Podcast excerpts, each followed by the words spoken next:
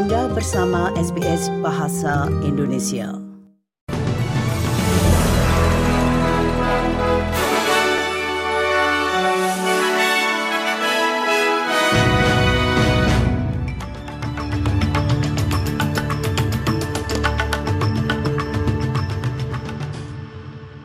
Berita selengkapnya. Perdana Menteri Selandia Baru Christopher Luxon telah tiba di Sydney untuk bertemu dengan Perdana Menteri Anthony Albanese dan akan berdiskusi tentang keamanan dan hubungan ekonomi kedua negara. Sebelumnya, Perdana Menteri Luxon mengatakan perhatian besar ditujukan pada pengembangan bisnis lingkungan, baik bagi Australia maupun Selandia Baru.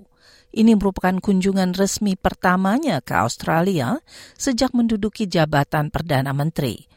Pembicaraan kedua negara akan difokuskan pada keamanan regional dan perdagangan antar Selat Tasman.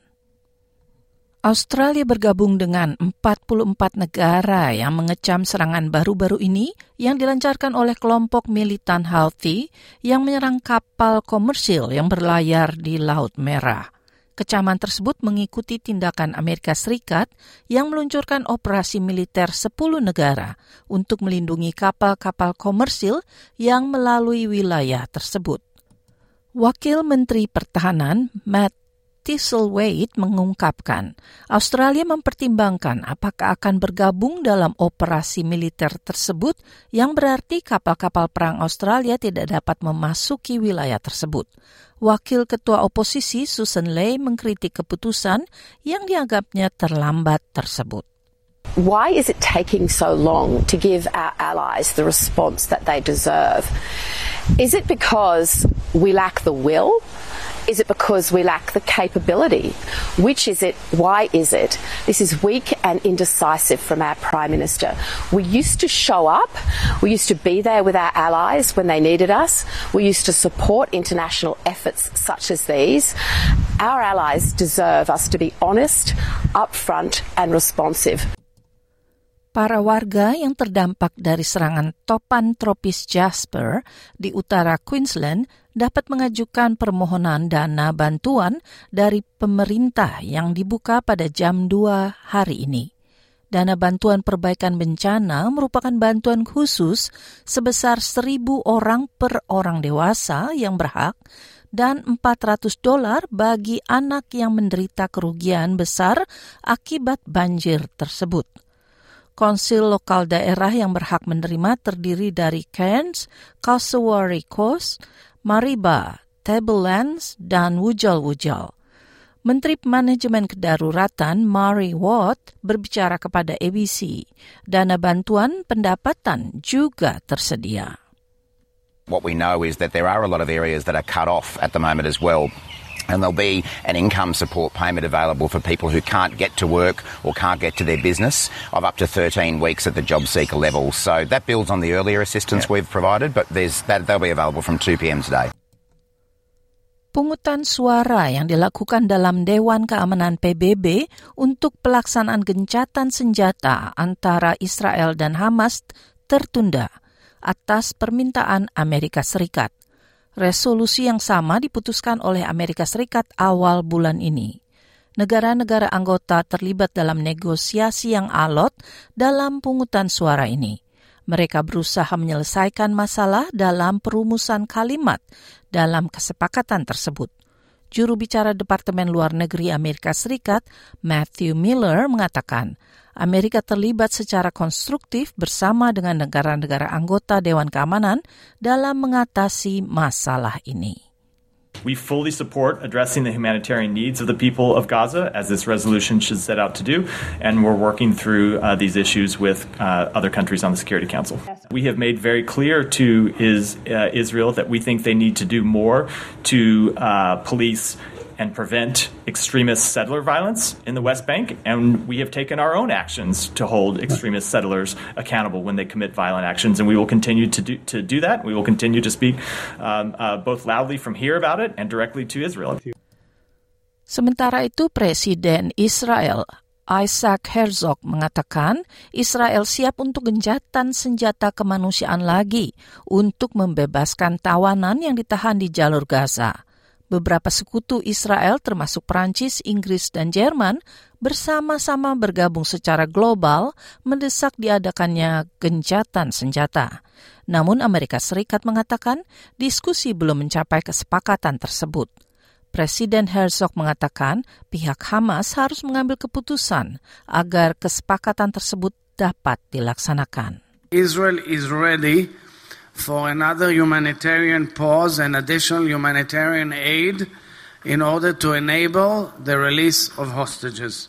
And the, uh, the responsibility lies fully with uh, Sinwar and the leadership of Hamas.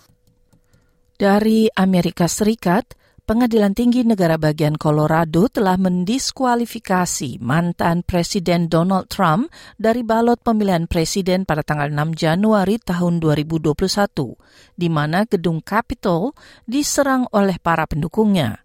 Keputusan ini mengakibatkan Trump menjadi calon presiden Amerika Serikat pertama dalam sejarah yang dianggap tidak layak untuk menduduki posisinya di Gedung Putih dengan menggunakan konstitusi negara yang jarang digunakan yang melarang orang yang terlibat dalam pemberontakan untuk menduduki posisi calon presiden.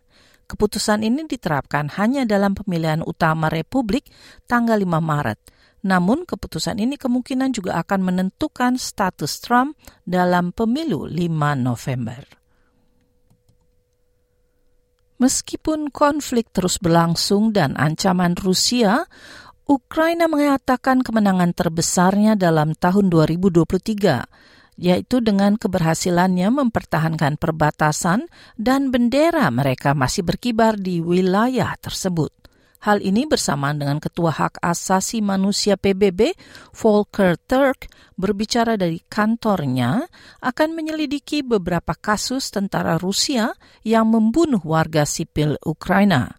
Turk mengeluarkan komen tersebut dalam sesi khusus Dewan Hak-Hak Asasi Manusia, di mana negara-negara sekutu barat yang berpihak pada Ukraina mengecam serangan invasi Rusia Februari tahun lalu. Ia mengatakan pihak berwenang Ukraina telah mengajukan 8.600 tuduhan kriminal.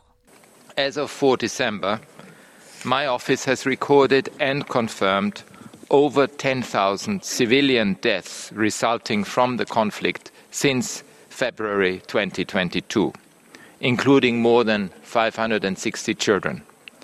A further 18,500 civilians have been confirmed injured, many of them severely the true toll is probably substantially higher. Sebuah varian baru COVID-19 yang dikenal dengan nama GN1 terdaftar sebagai varian yang menjadi perhatian Badan Kesehatan PBB WHO.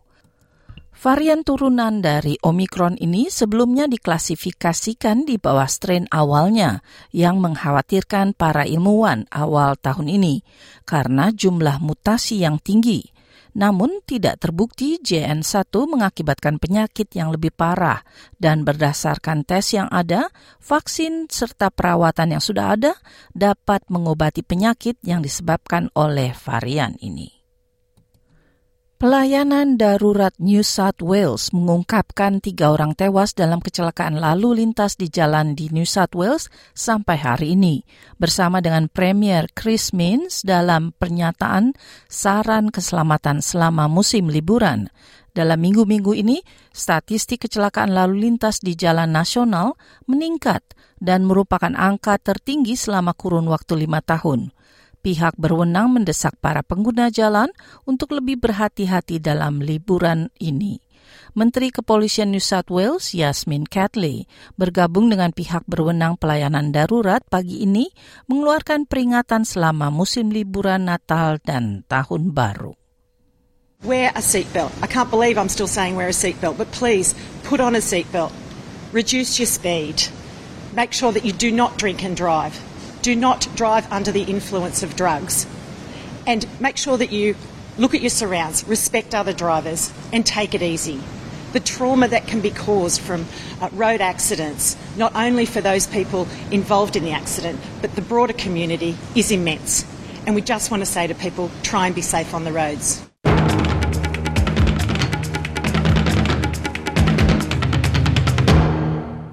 Baiklah saudara, kita beralih ke bidang olahraga. Sepak bola.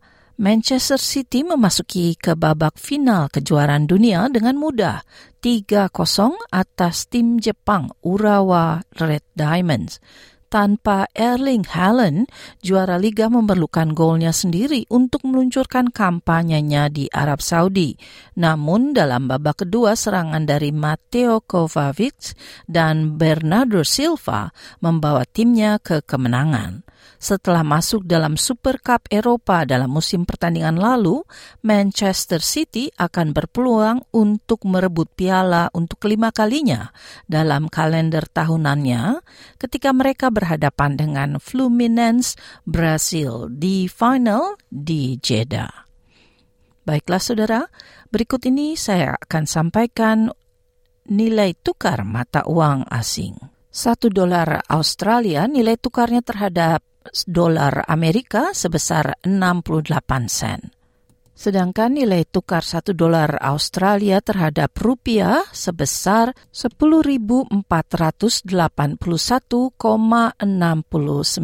sen. Kemudian nilai tukar euro terhadap dolar Australia 62 sen. Dan akhirnya terhadap pound sterling sebesar 53 sen.